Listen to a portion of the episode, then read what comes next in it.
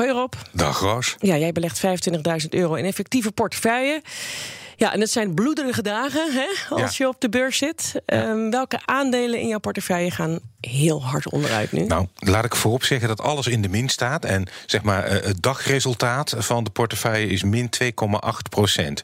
Dus dat is best wel pittig. En dat heeft natuurlijk ook mee te maken dat ik een uh, voorliefde heb voor technologie. En technologie wordt ook hard geraakt. Maar ik zal even wat dingen noemen. Microsoft is op dit moment de grootste daler.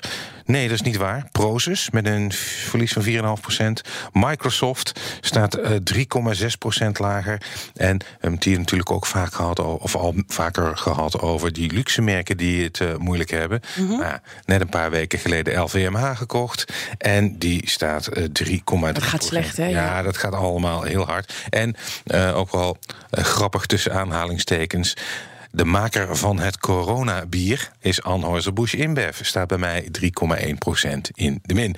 Um, dus je ziet dat, uh, uh, dat het gewoon hard gaat. Je ziet ook wel uh, de veilige havens bij mij terugkomen. Dat Unilever is 1% dus relatief heel beperkt. En dat geldt ook voor Wolters Kluwer 1,4%. Oh ja.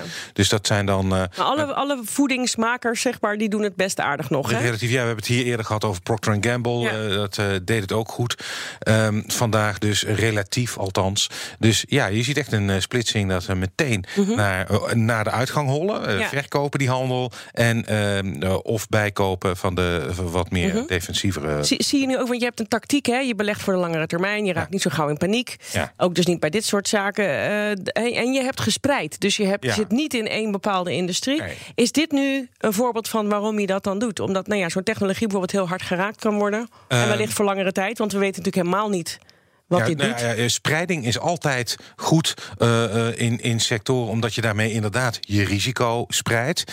Um, uh, zo'n bijzondere gelegenheid als aanleiding als nu, hè, die, die, zo'n virusuitbraak, daar moet je eigenlijk niet mee meten. Je moet dat eigenlijk los zien van je portefeuille. Maar mm -hmm. inderdaad, spreiding is absoluut ja. heel belangrijk. En, en, en, dan hopen dat het niet te lang aanhoudt en dat de beurs zich weer herstelt natuurlijk, hè, want dat is wat je wil. Ja, dat wil je wel. Aan de andere kant. He, wat moet je nou doen als dit uh, langer aanhoudt? Uh -huh. um, ja, ik zou zeggen, mijn eigen opvatting zeg er steeds bij. Het is geen advies wat ik geef, want dat mag ik ook niet. Maar ja, als je cash hebt en uh, het gaat nog verder naar beneden. Lekker um, kopen. Ik heb het hier, geloof ik, een paar weken terug al gezegd, Buffett, dus ik zal het niet herhalen. Maar inderdaad, als de koersen laag zijn, hè, uh, is het verstandiger om uh, te kopen, bij mm -hmm. te kopen, dan dat je verlies gaat nemen op bedrijven die in principe, ja. die je, als je je huiswerk goed hebt gedaan en je hebt geoordeeld, dat waren goede fondsen, dan. Uh... Dus met, met deze techniek tactiek is het gewoon als het coronavirus nog aanhoudt, kopen, kopen, kopen de komende tijd. En dan, voor uh... zover je dat. Uh, voor Jij kan, kan nog kopen toch op? Ja, zeker. Dat Wat kan. ga je kopen nu? Uh, nou ja, ik heb een McDonald's.